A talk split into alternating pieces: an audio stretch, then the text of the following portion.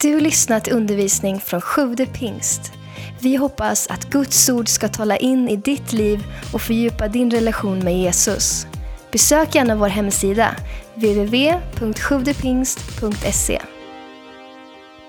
Hörni, jag skulle vilja eh, dela med mig och predika utifrån ett bibelord som, som, som eh, jag läste för några veckor sedan. Och eh, just det här med att bara få ha en vana av att läsa Guds ord, det är, det är så otroligt värdefullt. Och någonting som, som jag har fått eh, ha med mig under, ja nu kan jag faktiskt säga större delen av mitt liv. Jag får fått ha med det som en, som en vana, som en rutin att få, få börja dagen, få läsa ett ord. Och sen ett år tillbaka ungefär så har jag haft en, eh, man blir lite trött ibland på sättet man läser Bibeln på. Man tycker att nu har jag läst det så här och nu har jag gjort det här och nu har jag hoppat här och nu har jag valt det jag gillar. Och så här. Men så hittade jag ett nytt sätt, nämligen så här att jag läser på olika platser varje dag. Så att måndag läser jag så här Matteus till Lukas och tisdag läser jag första Mosebok till andra kungaboken eller något i den stilen. Och sen så vidare. Så, liksom, så läser man då olika delar av Bibeln varje dag och får på det sättet liksom en varierad kost som det så fint heter. Eh, och det är väldigt bra. Och lördagar då är det dags för profetböckerna. Och det är ju liksom det mest oförutsägbara. Det kan nu bli någon riktigt jobbig och tung liksom domsprofetia över något antikt folk här som jag inte riktigt vet hur jag ska applicera på mitt liv. Men det kan också komma upp sådana fantastiska löften och sanningar och, och, och, saker som, som jag tycker, det finns ett sådant språk ofta i de här profetböckerna eh, som är så otroligt vackert. Och, och för ett par veckor sedan så läste jag Eh, och nu håller jag på att läsa i Nu-bibeln, en, en lite nyare översättning. Eh, för att variera lite där också. Och då var de här verserna, de bara poppade ut så att säga. Och bara, de har växt i mig de här veckorna. Och när jag satte mig och tänkte på den här söndagen, jag, jag, vill, jag vill tala utifrån det. Jag tror att det här kan få ge oss en bra riktning inför ett nytt år. Och det är från Jeremia kapitel 17. Jeremia, profeten Jeremia, jag ska läsa från Nu-bibeln. Du får gärna läsa den översättningen du har, men det här har några formuleringar som jag bara tyckte var så häftiga och härliga. Det står så här Jeremia 17, vers 7-8. Välsignad är den man som litar på Herren. Som sätter hela sin tillit till Herren. Han är som ett träd planterat vid vatten. Det sträcker ut sina rötter till bäcken. Det fruktar inte för hettan och dess löv är alltid gröna. Det skräms inte av ett års torka. Det kan alltid bära frukt. Och just den här sista meningen tyckte jag stack ut så mycket i översättningen. Att det skräms inte av ett års torka, utan det kan alltid bära frukt. Och det här är, tror jag, en vägbeskrivning till ett välsignat år. Och det är min rubrik för den här söndagen. En vägbeskrivning till ett välsignat år. Säkert har en del av er nu varit ute och rest under julen. Och tack och lov så behöver man ju nu inte längre eh, ja, det fanns ju, om man backar bandet rejält, då hade man liksom det här stora kartlexikonet liksom i bilen kanske. Och man satt där och bläddrade liksom Europas alla vägar. Och kommer man fram lite så gick man in på hitta och så skrev man ut då så här fyra, fem, sex, sju sidor eller någonting med så här, eh, väg, du ska svänga där. Och nu tack och lov så har vi smartphones så det är liksom bara knappa in. Du kan till och med få en, en trevlig eller jobbig röst beroende på hur du är, vad du är på för humör som liksom talar om för dig. Om 300 meter, sväng höger. Och sen om 100 meter, sväng höger. Sväng nu höger. Och så vet man att man kommer rätt. Men det här bibelstället tror jag kan vara en vägbeskrivning till ett välsignat år. Att om vi kan få tag på de sanningarna som ligger här i de här verserna så kan det få leda oss in i ett liv med Gud, ett år med Gud som blir välsignat. Och Guds vilja för dig är att välsigna dig. Han har goda planer för dig, han har goda tankar för dig. Och eh, eh, inte minst så ser vi det i Efesierbrevet 1. Paulus han skriver ett, ett, eh, ett brev till församlingen i Efesos i, i eh, nuvarande Turkiet. Och eh, där så inleder han nästan hela, eller den första liksom, typ vers 3 till 13 eh, om att bara tala om det här välsignade livet i Gud. Och eh, jag blev så glad när jag läste det här, eh, en liten kommentar till det här bibelstycket. Därför att på grekiskan så är Efesierbrevet 1, vers 3-13, en enda lång mening. Nu är det lite annorlunda då än, än svenska och engelska och sådär. Har jag, jag har liksom pratat lite här med våra bibelöversättare Mikael och Jenny och de förklarar att grekiskan har ofta längre verser och sådär. Men, och Paulus han är lite extrem. Men då läste jag också en kommentar att det handlar inte om att, om att han liksom är olärd och inte vet att sätta punkt och komma och bygga bra meningar. Utan när Paulus här skriver då är det ett bevis för att, att, han, att han låter pennan gå allt snabbare.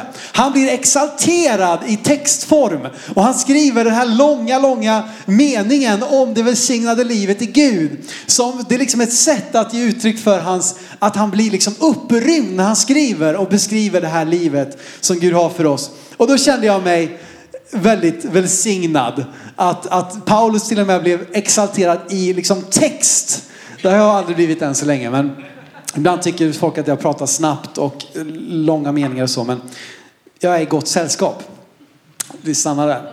Vers 3 i alla fall. Står det här också, det här inledningen då på den här långa, långa meningen på grekiska. Paulus säger att välsignad är vår Herre Jesu Kristi Gud och Fader.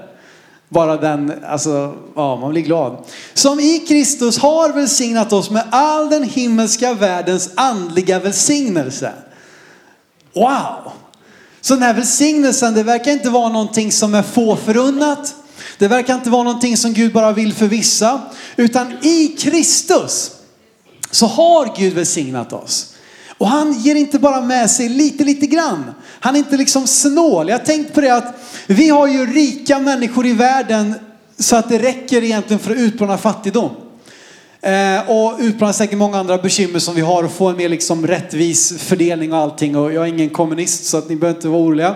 Men poängen är att de som sitter på pengarna delar inte med sig i den utsträckning som de skulle kunna göra.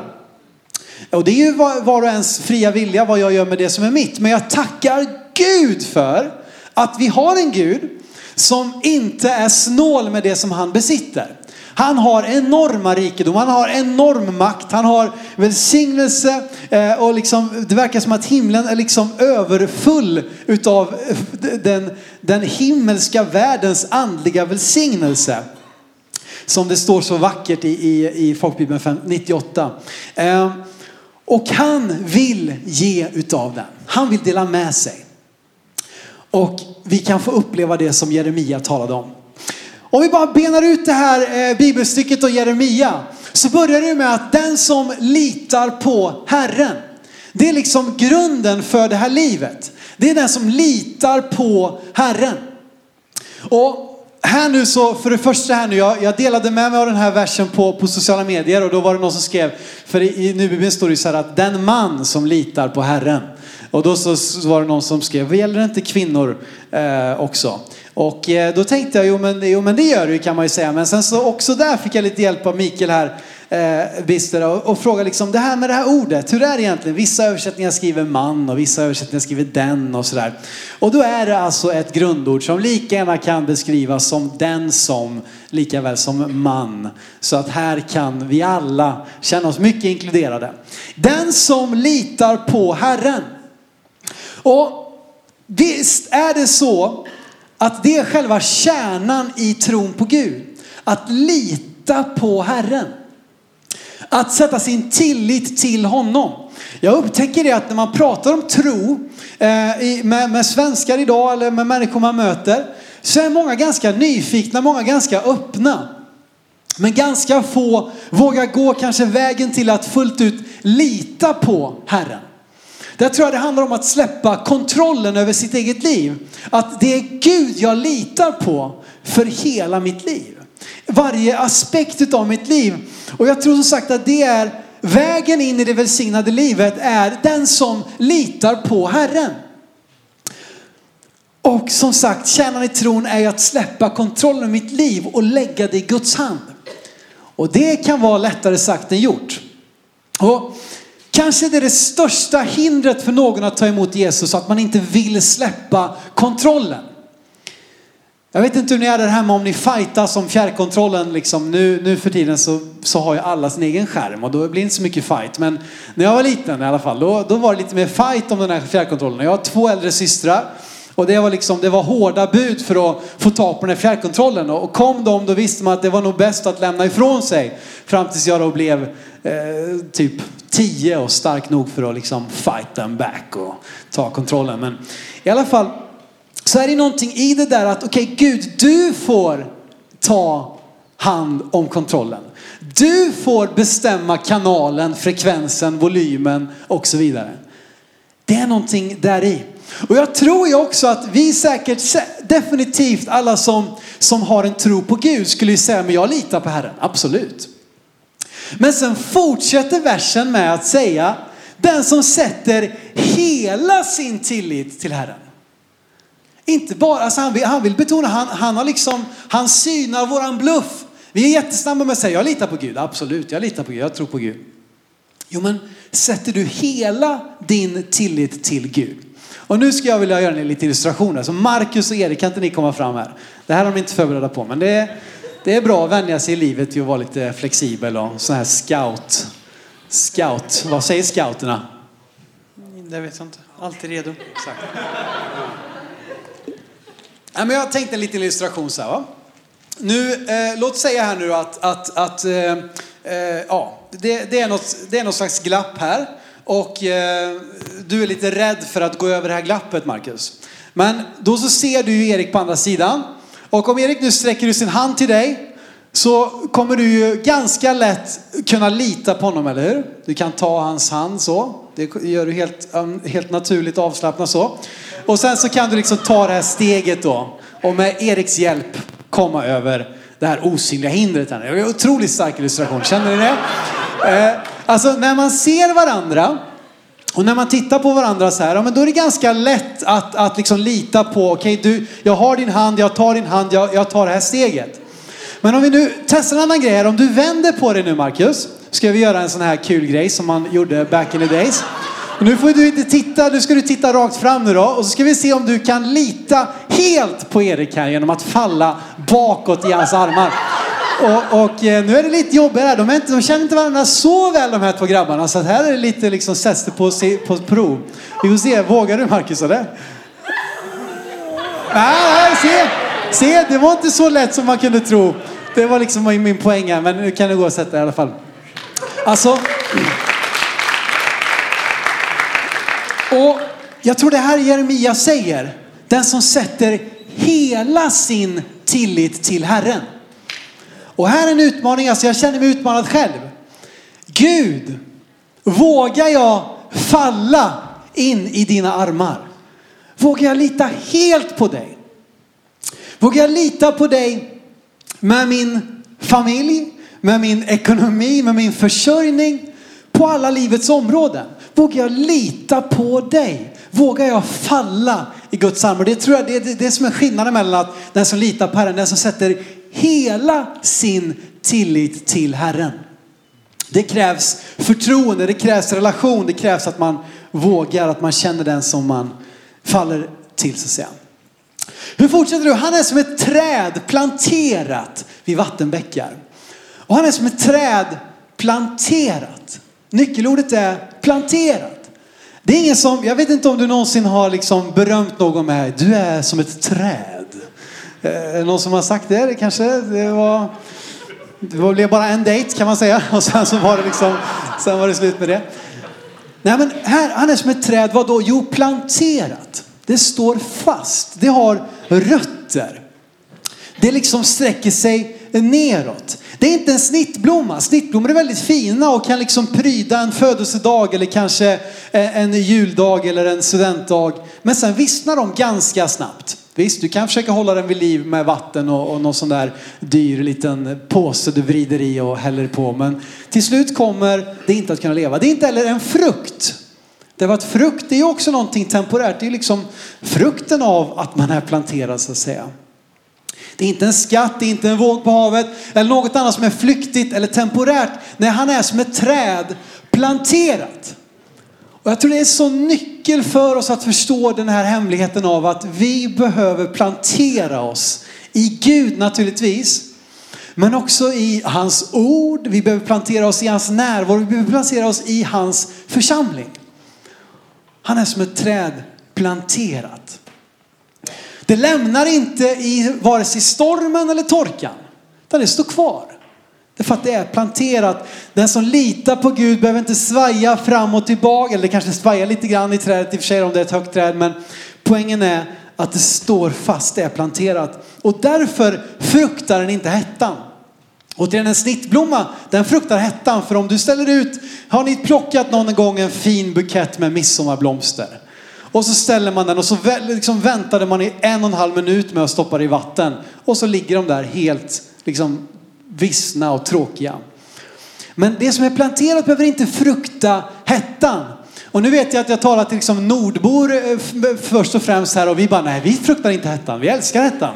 Vi dyrkar hettan, vi åker till hettan varje sommar för att liksom bara få lägga oss på en strand där och bara lapa i oss den här solens värma strålar. Men det här är skrivet i en Mellanöstern-kontext och där är hettan någonting annat. Och man vet att där, om jag inte kan ta skydd undan hettan, då kan det sluta med uttorkning, i värsta fall död. Om jag inte kan ta, men det som är planterat nära bäcken, det som är planterat i Gud behöver inte frukta hettan. Utan det kan alltid bära frukt. Det kan alltid bära frukt. Jag, jag blev så välsignad av just det här för att liksom, jag har en nyhet till dig idag att livet är inte lätt. Kanske, kanske har upplevt det. Livet är inte lätt. Alltså, det, jag tror att det alltid kommer finnas saker i ditt liv som är jobbiga. Inte minst andra människor som, som, som så många gånger sviker oss och vi känner oss svikna. Vi känner oss lurade. Eh, eller det går någonting går emot oss. Man kanske jobbade på Toys R Us här före jul och sen tre dagar efter så har man inget jobb längre. Alltså saker i livet är jobbiga och ni kan alla vittna om det. Men det träd som är planterat vid vattenbäckar behöver inte frukta, behöver inte skrämmas av ett års torka, utan kan fortsätta bära frukt, tack och lov. Därför att trädet söker inte näring och vätska utifrån, utan det söker det inifrån och nedifrån. Även om det är, vi såg det i somras till exempel när det var så torrt här i Sverige under så lång tid och allting som inte hade djupa rötter vissnar. Men man kunde se att de som, de som stod pall längst, det var de som hade djupast rötter. Och som kristen så kan vi inte bygga våra liv på någon annan än Gud själv. Vi ska absolut hemma, hämta kraft hos varandra. Vi är faktiskt, jag skulle säga nästan beroende av andra troende att dela livet, står både glädje och sorg med. Men vi sätter inte vår tillit till andra människor på det sätt som vi gör till Gud. Och den troende som är beroende av att de yttre omständigheterna är perfekta. Att ingen sårar mig, att alla är glada mot mig, att alla är snälla mot mig, att det bara går bra. Ja, men det kommer att inte bli någonting stabilt. Men om vi söker liksom kraften inifrån, då kan vi ändå bära frukt. Även om vi går igenom tuffa saker. Så kan vi ändå välsigna någon. Vi kan ändå få ha, liksom, lyssna in Gud och ge en hälsning ifrån honom. Vi kan ändå få uppleva att, att Gud leder oss igenom även dödsskuggans dal. Och till och med i dödsskuggans dal enligt det här bibelordet så kan vi också där bära frukt. Vi kan se människor komma till tro i vår omgivning. Även om vi kanske brottas inbördes så kan vi ändå få se människor växa och hitta fram till Jesus. Om vi backar tillbaka ett par verser tidigare här så finns det en vägbeskrivning till ett torrt år. Det finns en vägbeskrivning till ett år som inte kommer bli välsignat och inte kommer att bli utan tvärtom till och med förbannat som det står i den här verserna backar upp det lite innan då. Från Jeremia 17 till vers 5 till 6 så står det så här. Så säger Herren. Förbannade den som litar till människor och söker sin styrka i det som är kött och vars hjärta vänder sig bort från Herren. Han är som en torr buske på heden och får inte se något gott komma. Han bor på brända platser i öknen på salt jord där ingen bor. Den som litar till människor. Jag säger inte nu att du inte ska lita på någon annan människa, det är inte det jag säger. Men alltså vad, det här djupaste tilliten, vad bygger jag mitt liv på? Är det på en annan människa? då kommer det väldigt lätt kunna raseras och mattan dras bort under mina fötter. Men om min yttersta tillit är till Gud. Här är att det söker sin styrka i det som är kött. Det är en bild på att man söker styrkan liksom i det mänskliga, i det temporära. Vi kan inte frambringa något som är evigt. Vi kan göra bra grejer här och nu, en bra, liksom, god maträtt och så vidare. Men för att det ska bli någonting bestående, för att det ska bli någonting evigt, så behöver vi söka vår styrka i Herren och låta honom leda våra steg. Men jag vill inte dröja kvar här vid det torra året, för vi är ju på väg i en vägbeskrivning till ett välsignat år nu, eller hur? Och utifrån det här bibelordet så vill jag ge dig fyra stycken tips här nu. Fyra stycken tips, inte tre, inte sju, utan fyra. Och tips nummer ett ska vi hitta i psalm 25, vers 14. Psalm 25, vers 14.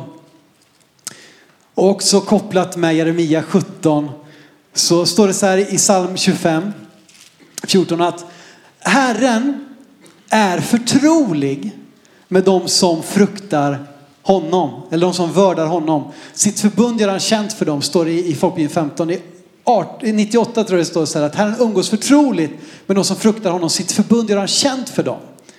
Gud vill umgås förtroligt med dig. Han vill göra sitt förbund känt för dig. Och därför mitt första tips, lär känna Gud. Lär känna Gud. Ingenting kommer vara viktigare. Vem litar du mest på i ditt liv? Om du bara tänker efter en liten stund. Jag tror att det som namn eller de namn som kommer högst upp på listan är några av de personerna du känner mest i hela ditt liv. Människor som du har spenderat mest tid med, som har funnits med längst i ditt liv. Det är också de du kanske skulle våga falla tillbaka handlöst för att du vet att de kommer att ta emot dig. Vissa som vi känner väldigt väl litar vi inte på just därför. Men några av dem vi litar på allra mest tror jag också är de som vi känner allra bäst. Om du ska kunna lita och sätta hela din tillit till Gud så behöver du lära känna honom. Och de goda nyheterna är att från Guds sida är det alltid en öppen famn. Gud säger inte nej till någon människa. Utan han umgås förtroligt med, vilka då? Och de som fruktar, de som vördar honom. Och det, nyckeln här är ju då att vi måste förstå att det är Gud som är Gud. Det är inte jag som är Gud. Jag behöver komma till Gud på hans villkor, så att säga. Han har tagit ett steg mot oss. Han har sänt sin son till oss. Han har visat kärlek till oss. Och nu får vi ge vår respons på det och närma oss honom. Men i det också komma ihåg att det är han som är Gud och jag är inte Gud. Han är skaparen, jag är det skapade. Det här med fruktan, att frukta Gud, Guds fruktan kan ibland göra oss lite förvirrade. Därför att vi tror att det handlar om att vara rädda för Gud och allt för många känner Gud så dåligt att de är rädda för honom. Och jag tror inte det är det som det handlar om här. Utan precis som Folkbibeln 15 sa här, så handlar det om att vörda honom. Att respektera honom. Att ha en respekt för att Gud är Gud och jag är människa. Gud är helig och utan Jesus så är jag syndig. I Jesus är jag rättfärdig, i Jesus är jag helig. Men utan honom så har jag ingenting. Och här så behöver vi komma till Gud på, säga, liksom bara erkänna, inse, Gud du är helig. Jag respekterar dig, jag vördar dig, jag prioriterar dig. En människa som man har respekt för kommer man inte alltid för sent till. Bara en sån där sak. En människa som man har respekt för, som man vördar, den struntar man inte att höra av sig om man har sagt att man ska höra av sig. Eller hur? Sådana enkla grejer. Och om Gud är någon som jag vördar, då prioriterar jag, då värdesätter jag mina stunder med honom. Tillsammans med Guds församling, enskilt med honom. Oavsett om det handlar om en minut, två minuter, fem, tio minuter. Men att bara få lära känna honom. Jag tror det bästa sättet att lära känna Gud är genom hans ord. För att härigenom har han gjort sig synlig. Härigenom har han visat vem han är. Och hjälp, med hjälp av den heliga ande så kan Guds ord få föra oss in i en djupare gemenskap med Gud själv. Och bara ge det första av din dag till Gud. Och det måste inte handla om att du ska säga nu ska jag börja spendera en timme varje morgon med Gud. Gör du det, det är underbart, fantastiskt. Men om du inte har gjort, om du inte har spenderat en enda minut med Gud och ska gå till en timma så är risken att det blir som alla andra nyårslöften, någonting som höll i två dagar och sen fick Gud bara dåligt samvete. Men kanske att du kan ta fem minuter. Kanske att du kunde få en reflex av att istället för att gå in på Instagram det första du gör när du vaknar så går du in på bibelappen och läser dagens bibelord. Det kan vara de här små enkla stegen som bara visar för Gud, Gud, det första av min dag. Eller när jag startar, en del kanske säger det är ingen idé att jag pratar med Gud när jag har druckit kaffe. Ja men du känner dig själv bäst. Ta en kopp kaffe och sen tar du några minuter tillsammans med Gud. För mig har frukosten och den perioden alltid varit en naturlig stund för mig att bara få läsa Guds ord, be en bön för dagen som kommer, lära känna Gud. Tips nummer två. Lita på Gud i din ekonomi. Vi sa att den som litar på Herren, välsignar den som litar på Herren sätter hela sin tillit till Herren. Det handlar om att släppa kontrollen. Det finns få saker som kontrollerar oss så mycket som våra pengar, om vi är helt ärliga. Men att lita på Gud också med en ekonomi. Jesus talade ofta om pengar. Faktum är att han talar nästan inte lika mycket om någonting annat som om pengar och ägodelar. Bara för att visa det för dig.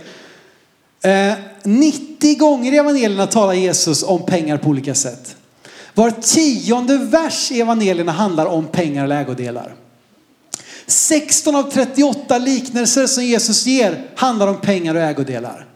I Bibeln finns det ungefär 500 verser som handlar om bön, knappt 500 verser som handlar om tro och mer än 2000 verser som handlar om pengar. Varför då? För att jag tror att där i kan vara en av de största hindren för oss att fullt ut släppa kontrollen. Jesus talar mycket om pengar men han talar väldigt lite om pengar när han talar om pengar.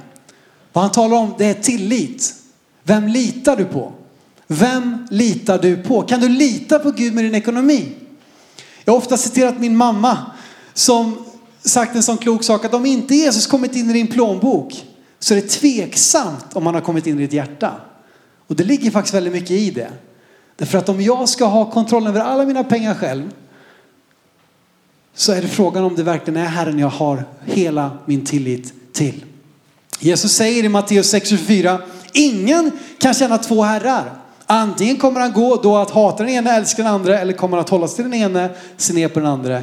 Ni kan inte känna både Gud och mammon. Mammon som var en, en bild av att liksom dyrka, tillbe pengar. Och därför är min fråga, kan du växa ditt givande under 2019? Är det dags att börja ge tionde som en princip av att Gud, jag lägger hela min ekonomi i din hand? Är det dags att, precis som Martin pratade om här, låta liksom Guds liksom ekonomin som handlar om Gud får lite större plats i mitt liv? Kan jag kanske vara med på olika sätt och växa mitt givande? Du vet, vi hittar alltid pengar verkar det som till det som vi verkligen, verkligen vill. Den som röker till exempel, det spelar ingen roll hur lite pengar de har, så verkar det som att man har alltid pengar till ett till cigarettpaket. Den som längtar efter den där nya mobilen är alltid beredd att betala lite mer i avbetalning varje månad. Eller den där nya bilen kanske. Nej men det är inte så farligt. Det blir bara 300 kronor mer i månaden än vad jag haft de senaste 3, 4, 5 åren. Det ska jag nog klara av. Eller de där jeansen, den där resan, vad det nu är för någonting. Vi tycks väldigt, väldigt ofta, jag har respekt för också att det finns de som har jättetuff ekonomi och, och, det är inte ens på, på tal om att skaffa ny mobil och andra saker. Men, men jag tror också att de flesta av oss har ofta de här möjligheterna. Och vi tycks hitta allt det där som vi vill. Och frågan är, är Gud en del av den ekvationen? Lita på Gud med din ekonomi. Tips nummer tre, plantera dig i Guds hus. Du tycker att det här, men Simon jag har hört dig säga det här hundra gånger säkert att vi ska plantera oss i Guds hus. Jo men det är för att du har inte gjort det. Nej, förlåt. Jo, det har du gjort. Du är här. Tack och lov för det. Nej, men det är en sån hemlighet detta att vara planterad. Och grejen är att jag säger inte det för att jag vill att, att vi liksom ska, att, att det, det, ska se bra ut. Att det ska vara häftigt när jag predikar, att det, det är många i liksom bänkarna. Nej, jag säger det för att jag är övertygad om att det är ett löfte ifrån Gud. Att den som planterar sig kommer också att kunna ha den här källan, de här vattenbäckarna, det här inflödet nära Gud. Det planterade är inte flyktigt. Det planterade förhandlar inte om huruvida det ska stå kvar eller inte. Det planterade tar de soliga dagarna med de regniga och inser att allt behövs för att jag ska få den näring som jag behöver. Planterade i Guds hus. Och jag tror att det är en absolut nyckel för det här livet som Jeremia talar om. Det sista jag vill ge och skicka med dig som ett tips. Det handlar om avslutning på de här verserna. Att det skräms inte av ett torrt utan kan alltid bära frukt. Och vad är det för frukt vi talar om här egentligen? Vad är det för frukt som Bibeln är ute efter? Våra liv kan bära en massa olika frukt. Vi kan vara framgångsrika i vårt, i vårt arbete, vi kan få ett bra betyg, vi kan liksom lyckas bra i idrottslaget, vi kan, vi kan göra massa olika saker. Men jag tror att den frukten som det handlar om, det är andra människor. Därför är mitt fjärde tips, led en människa till Jesus. Led en människa till Jesus. Kan det finnas en människa som jag kan vara med och på något sätt peka lite närmare Jesus. Du kan tänka, ja, men jag har inte mitt liv, liksom mitt liv funkar inte. Min, jag har inte liksom en fungerande andaktsvana varje morgon. Jag har inte läst Bibeln och det här med givandet och, och bla bla bla. Jag kan inte allt det här. Jo, men oavsett om du upplever torka i vissa områden i ditt liv så kan du ändå vara med och bära frukt i form av en annan människa som blir välsignad eh, genom ditt liv. Paulus säger i andra Korinthierbrevet 5 och vers 11. Då vi vet vad det är att frukta, vi, eller så här står det. Vi vet alltså vad det är att frukta Herren. Och därför försöker vi vad då? Försöker vi vinna människor. Därför att vi vet vad det är att frukta Herren. Att frukta Herren handlar inte om att få, få skryta med allt det som jag har lyckats med i mitt kristna liv. Att frukta Herren leder till en nöd, en passion, en kärlek, en längtan efter att en till människa ska få möta Jesus. Och det blir viktigare än allting annat. Därför att det är där kampen står om det eviga. Om en människas liv tillhör Jesus eller inte. Om en människa har sagt sitt ja till Jesus eller inte. Det är det absolut viktigaste vi måste fokusera oss på. Vi ska fylla människors behov rent materiellt. Vi ska fördjupa oss i Bibeln. Vi ska ha bibelstudier. Vi ska ha bönemöten. Vi ska göra alla möjliga saker. Men det finns en fråga som är viktigare än alla andra frågor. Det är frågan, blir människor frälsta eller inte? Gud, bevara mitt hjärta i detta. Att jag lever för att vinna människor.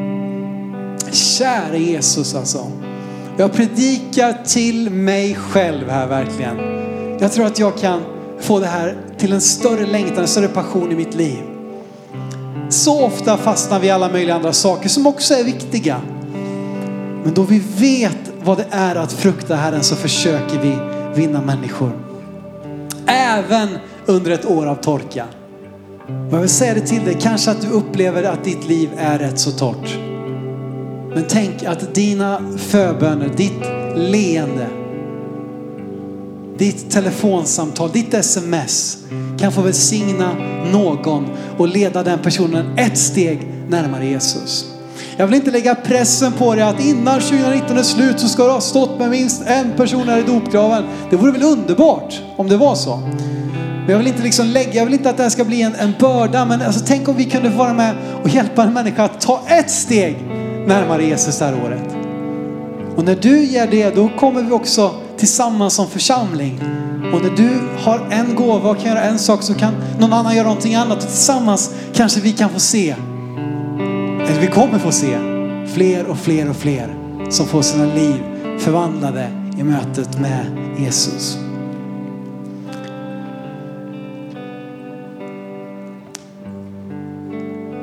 Kanske det är en person som du ska be för 30 sekunder så ofta du kommer ihåg det. Kanske en människa du ska bjuda med hit till kyrkan. Jag har upptäckt att det är många, många fler som tycker om det här än som inte gör det som kommer hit. Det är min erfarenhet. Man är så nervös innan. Vad ska de tycka? Hur ska det vara att uppleva det? Och sen när du väl kom hit så bara, ja, men wow, det var ju rätt så bra det här. Och det var ju rätt trevligt det här. Och det lät ju rätt bra. Och god musik och, och så vidare. Är det någon du ska ta en fika med? Är det någon du ska le mot?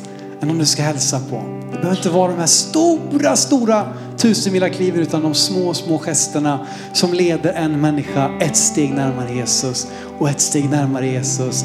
Och till slut så kan de ha kommit så nära att de inte kan stå emot utan öppna sig själva för honom. Jeremia 17, vers 7-8. Välsignad är den man som litar på Herren. Som sätter hela sin tillit till Herren. Han är som ett träd planterat vid vatten. Det sträcker ut sina rötter till bäcken. Det fruktar inte för hettan och dess löv är alltid gröna. Det skräms inte av ett års torka. Det kan alltid bära frukt. I Jesu namn.